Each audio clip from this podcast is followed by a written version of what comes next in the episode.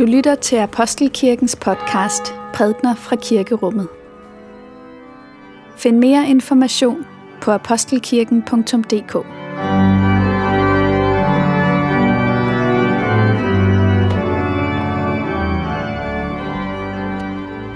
Godmorgen og velmødt til gudstjeneste på denne 8. søndag efter Trinitatis.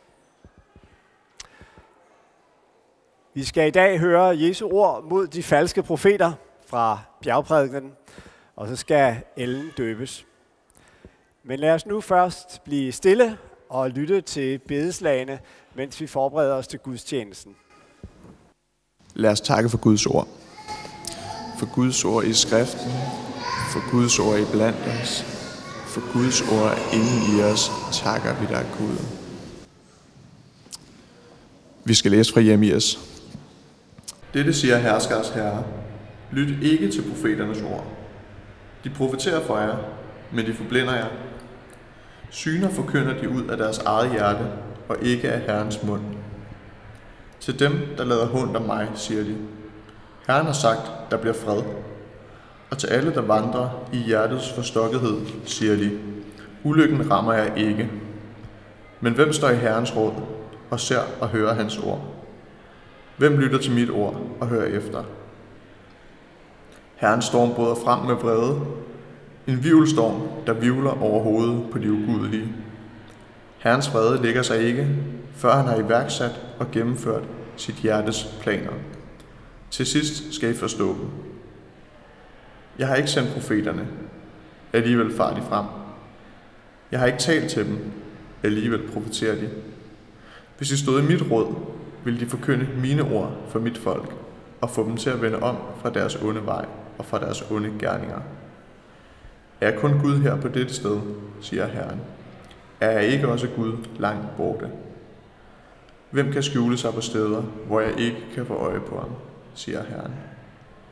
Er det ikke mig, der fylder både himmel og jord, siger Herren. Vi læser fra Matthæus. Jesus sagde, Tag jer for de falske profeter, der kommer til jer i forklæder, men indeni er glubske ulve. På deres frugter skal I kende dem. Plukker man druer af tjørn eller fine af tisler. Sådan bærer et hvert godt træ gode frugter, og det dårlige træ dårlige frugter. Et godt træ kan ikke bære dårlige frugter, og et dårligt træ kan ikke bære gode frugter. Et hvert træ, som ikke bærer god frugt, hugges om og kastes i ilden. I kan altså kende dem på deres frugter. Ikke en hver, som siger, Herre, Herre, til mig, skal komme ind i himmeriget, men kun den, der gør min himmelske faders vilje.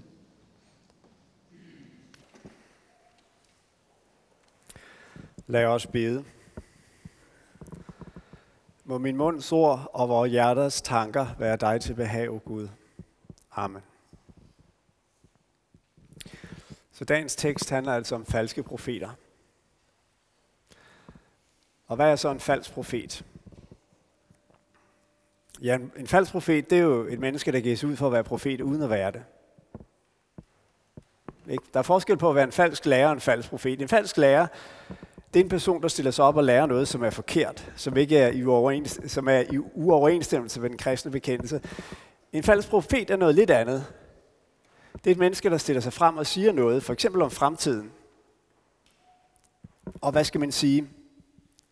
Problemet er ikke i og for sig, hvad han siger. Problemet er, at han siger det med en myndighed, der ikke er hans. Han giver sig ud for at være profet, uden at være det. Og, og, og Jesu pointe i dagens tekst er jo så, at han siger, falske profeter, det er ikke så let at regne ud. Man kan ikke analysere sig frem til deres falskhed. Du må se deres frugterne. På deres frugter skal de kendes. Ligesom et får, der er forklædt som ulv. Man kan ikke intuitivt fornemme, det der, det er en ulv. Øh, man er nødt til ligesom at, der, der skal en afklædning til den der tid. Så, så det, er sådan, øh, det, det er hovedbudskabet i, i dagens tekst. Nå, men for ligesom at, at få det her budskab bragt i forhold til, til os og til vores tid, så lad os lige tage i første omgang en rejse endnu længere tilbage til det gamle testamente. I det gamle testamente var der jo i lang periode ligesom et dobbeltembede. Der var profet og konge. Kongen, han boede i sit palads. Han havde sine hustruer, sine tjenestefolk, sine soldater til at forsvare sig. Han var magthaver. Profeten, ja, han boede, måske var han hjemløs. Han havde ikke noget magtapparat omkring sig, ingen tjenestefolk. Han var på en måde marginaliseret i samfundsordenen. Og alligevel var det sådan, at profeten han kunne træde frem for kongen, og så kunne han sige, så siger Herren. Og så vil kongen vide, at nu nyttede det sådan set ikke noget at argumentere. Hammeren var faldet, sandheden var sagt, profeten havde besøgt ham. Og derfor var det så utrolig vigtigt, at de her profeter, at de var ubestikkelige. Og en stor del af, af profetlitteraturen fra det gamle testament, det handler netop om falske profeter. Profeter, som lader sig bestikke af magten, som, øh, som kongen kan købe over på sin side. Men den sande profet, han står fast. Lad, lad mig lige give jer et par eksempler fra det gamle testamente. Profeten Elias, som sagde, nu skal der blive tørke over hele landet, så var der tørke i to år. Det var på grund af Akabs frafald, kong Akab. Og så en dag, så møder Elias og Akab hinanden på vejen. Det er synligheden tilfældigt. Og så træder Elias frem foran sin konge, og så siger han til ham, Herren, i hvis tjeneste jeg står, siger. Og så kommer han med sit profetiske ord. Altså, det er ikke i din tjeneste, jeg står, konge. Jeg står i Herrens tjeneste, og derfor kan jeg sige ting til dig, som du må lyde. Den, den, øh, den ordrette oversættelse af det hebraiske ord på det sted i det gamle testamente vil være, Herren for hvis ansigt jeg står. Altså, han stiller sig op, står lige ansigt til ansigt med kong Akab, og så siger han, nej, det er ikke dit ansigt, jeg står overfor, det er Herrens. Og det er det, som han siger til mig, som er bestemmende for, hvad jeg vil sige til dig. Jeg tænker på beretningen om, om David og, og, og Batsaba og hele den forfærdelige historie om mor og utroskab. Og profeten Nathan, der dukker op hos, hos David og fortæller den her lignelse om den rige mand, der stjæler den fattige mands lam og slagter det for at have mad til sine gæster. Og, og David han bliver vred og siger, den mand skal dø. Og Nathan siger, du er mand. Det er profetisk myndighed. Det er at kunne tale magten imod på en sådan, hvad skal man sige, kompromilløs måde, fordi at man har fået et budskab fra Herren, fordi man er bærer af Guds ord. Findes der profeter i dag? Ja, det tror jeg, der gør. Jeg tror, at der i kirken er et profetembede. Det består i at forkynde Guds ord med øh, ånd og kraft og i ubestikkelighed og med det kald til omvendelse, der ligger i det. Jeg tænker også, at der kan findes profetier, også i vores tid, som er mere konkrete profetier, som dem vi kender fra det gamle testamente og fra den første menighedstid. Konkrete profetier om, om ting, der skal ske, og, og kald til omvendelse i den forbindelse. Men når jeg i dag vil sige noget om falske profeter, så er det i og for sig ikke ud fra den her mere snævre, eller hvad skal vi sige, den her forståelse af profeti i menigheden, så er det ud fra en lidt bredere forståelse. Er der i vores samfund i dag nogen, som gør det, som profeterne gjorde i det gamle testamente? Altså som taler magten imod på en, en, en ubestikkelig måde. Altså jeg tænker ikke her på oppositionspartierne, som jo i virkeligheden håber på selv at få magten efterfølgende. Vi skal have fat i nogen, som er helt uden for systemet, så at sige, og som, som, øh, som, som taler fra, øh, fra maven ind mod øh, centrum af magten. Øhm, og som derfra adresserer det, som er vores tids spørgsmål med, med en myndighed, med en, øh, en, en ubestikkelighed, som politikerne øh, er nødt til at forholde sig til. Og jeg er godt klar over, at når jeg taler om profeter og profeti i den her forstand, så er det så at sige i citationstegn. Det er ikke den egentlige betegnelse på profeter, hvor det er mennesker, der bringer et ord fra Herren, men det er alligevel mennesker, der har den funktion øh, i, i vores samfund i dag. En gruppe her fra menigheden var i sommer på øh, en, en øh, kristen festival i Norge, der hedder Korsvej. Og der var en, øh, en, en bibelunderviser, der hedder Peter Halfdorf, Halldorf, som holdt øh, nogle bibeltimer omkring det her spørgsmål. Og Øhm, jeg var ikke selv til stede. Jeg har haft anledning til at lytte til dem efterfølgende, og kan varmt anbefale jer andre at gøre det samme. Men her siger han i en af sine første bibeltimer, øhm, at vores tids klimaforskere, nogle af klimaaktivisterne, det er virkelig en form for profeter. Det er mennesker, der ser en sandhed omkring vores klode, omkring den verden, vi lever i, og som træder frem og siger den. Som siger, er det øh, paradigme, som vi lever vores liv ud fra, som vi indretter vores samfund på, det paradigme, der har med vækst, med omsætning, øh, med øget velstand at gøre, det er et paradigme, som fører til afgrund for vores klode, og dermed for vores øh, samfund. Og øh, den sandhed forholder de så øh, myndighederne. Der er brug for en stor omstilling i vores samfund. Så øhm, lad os lige et øjeblik stands op ved det her spørgsmål. Fordi vi kommer ikke udenom, at det er et spørgsmål, som i høj grad angår vores klodes fremtid, vores fremtid, kommende generationers fremtid. Og i den, i den forstand er der et profetisk element i det her spørgsmål. Og lad os anvende det kriterium, som Jesus i dagens tekst giver, for at kende en sand profeti fra en falsk profeti. Hvad var det nu for et kriterium? Det var frugterne. Af deres frugter skal I kende dem. Hvad er det for frugter, som øh, klimadebatten, klimavidenskabsmændenes budskaber har i vores liv? Er det, øh, er det frugter, som gør os til dybere, bedre mennesker, eller er det frugter, som lukker os ned for det, som er, det vil sige at være menneske i dybere forstand?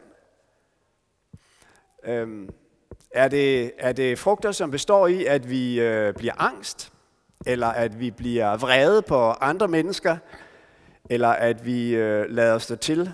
Eller er det en frugt, der består i, at vi bliver klar til at tage fat på den lille forskel, som vi kan gøre i den store sammenhæng? En falsk profet er en profet, der ikke giver os adgang til håbet i Gud. En sand profet, det er en profet, der hjælper os til et tillidsfuldt og håbefuldt at tage fat på det, som er vores øh, livs gerninger og muligheder. Så Lad mig give et eksempel. Øh, der er sikkert nogle af jer, der kan huske, at øh, den, den berømte engelske øh, astrofysiker Stephen Hawking for ikke så mange år siden, kort før han døde, kom med en udtalelse, som vagte ret stor sensation rundt i verden. Han sagde, vi har brug for at flytte klode. Den her klode, den er ved at være opslidt, og hvis vi fortsætter særlig meget længere, som det er, ja, så går det helt galt. Vi har 30 år til at emigrere til Mars. Vi har brug for en, pagtens, nej, for en Noahs ark, sagde han, hvor vi kan tage alle de her forskellige specier fra vores jord og flytte dem over på en ny jord, som skal være Mars. Ja, det var altså en af de mest anerkendte videnskabsmænd overhovedet, der udtaler det her. Hvilke frugter har den udtalelse så i vores liv? Ja, jeg læste her i, i forrige udgave af Weekendavisen et interview med en ung kvinde, som havde øh, hørt lige præcis den udtalelse, og havde fortalt, hvordan den havde givet hende klimaangst. Fordi den havde givet hende fornemmelse af, at toget er kørt. At der er ikke noget, hun kan gøre. At hun er udleveret til magter, som er hende langt overmægtige. At hun er et lille atom i et glas vand. Øh, at hendes liv er nyttesløst. At ulykken den kommer. Og hendes eneste håb skulle være til nogle videnskabsmænd, der skulle være med til at udvikle nogle teknikker, der vil gøre det muligt for, at, vi kunne, at de kommende generationer kunne bosætte sig på Mars. Se, det er den ene reaktion på det her budskab. Der findes der en anden reaktion, som går i den stik modsatte retning. Og øhm, altså en ligegyldighed resignation. Min, øh, min hustru Mette fortalte mig, at hun havde stået nede i, i køen i et supermarked og overhørt en samtale mellem to mødre. De snakkede om det her nye system for affaldssortering, der er kommet i Københavns Kommune, hvor man kan sortere organisk affald. Og, og det var de ikke særlig tilfredse med. De synes, det var, det var lidt ulækkert at skulle have sådan noget stående i køkkenet osv. Og så er det den ene af dem, kommer med den her replik, hun siger, mit liv er for kort til den slags. Mit liv er for kort til den slags. Ja, altså, fair nok. Altså, hvis, hvis, hvis man når en overbevisning, hvor man siger, at det her det gør ingen reel forskel, men hvis det bare er en lille forskel, der kan gøres, er det så givet, at dit liv er for kort til at gøre den lille forskel? For dit liv er jo forbundet med andre menneskers liv, og din generation med andre generationer, der skal komme, og så videre. Men det er altså egentlig, tænker jeg, de her to reaktioner. Den ene er angst og bekymring. Det er, at man føler sig bebyrdet og ikke kan løfte byrden. Og den anden, det er resignation og, øh, hvad skal man sige, ligegyldighed. Som jeg tænker er to naturlige reaktioner på et budskab, som det Stephen Hawking kom med. Men begge disse to reaktioner, det er ikke troens reaktioner. Hvad er så troens bevægelse i alt det her? Jo, troens bevægelse i forhold til en udfordring som den, vi taler om her, den må være dobbelt. Den første bevægelse må stå i at lægge fremtiden i Guds hånd. Altså, når, når de gamle profeter i det gamle testamente profeterede om det, der skulle komme, så havde de et begreb, der hed Herrens dag. Når Herrens dag kommer, og når det nye testamentlige apostle skulle tale om fremtiden, så talte de om Herrens komme. Den begivenhed er ikke en begivenhed, som vi mennesker skaber, som en naturlig fortsættelse af vores egen udvikling. Det er en begivenhed, hvor i Gud han griber ind i vores verden og sætter sig igennem, åbenbarer sig, åbenbarer sin frelsesvilje med os. Vi må lægge fremtiden fra os, lægge den over i Guds hånd, i tillid til hans gode vilje for sit skaberværk. I tillid til, at Herrens dag kommer, at vi ikke er overladt til, at jorden skal løbe sit eget løb, men at der er en skaber, der stadig er forbundet med sin skabning. Men når det skridt er taget, så er det næste skridt at vende tilbage til nutiden. Det, som er vores helt konkrete nutid. Med de begrænsninger og de muligheder, der ligger i den. Og være i stand til at træffe de valg, som ligger inden for de, de muligheder. Øhm, ikke fordi, at vi tænker, at vi skal frelse verden med de valg. Den opgave, den har vi lagt fra os, den har vi lagt over til Gud. Men i en ønske om at tage del i frelserens vision for sin skabning. En vision om en verden, hvor som, som, som trives og udfolder sig, og som ikke udnyttes og udtørrer og uddør. For nylig hørte jeg en bekendt fortælle om en oplevelse, han havde haft. Han var blevet inviteret til Tyskland for at skulle sige noget ved en konference i Køln, og følte sig lidt smiret og beæret over sådan at være blive bedt udenlands for at sige noget. Da tiden nærmede sig, kunne han mærke en vis modstand mod den konference, han skulle medvirke i.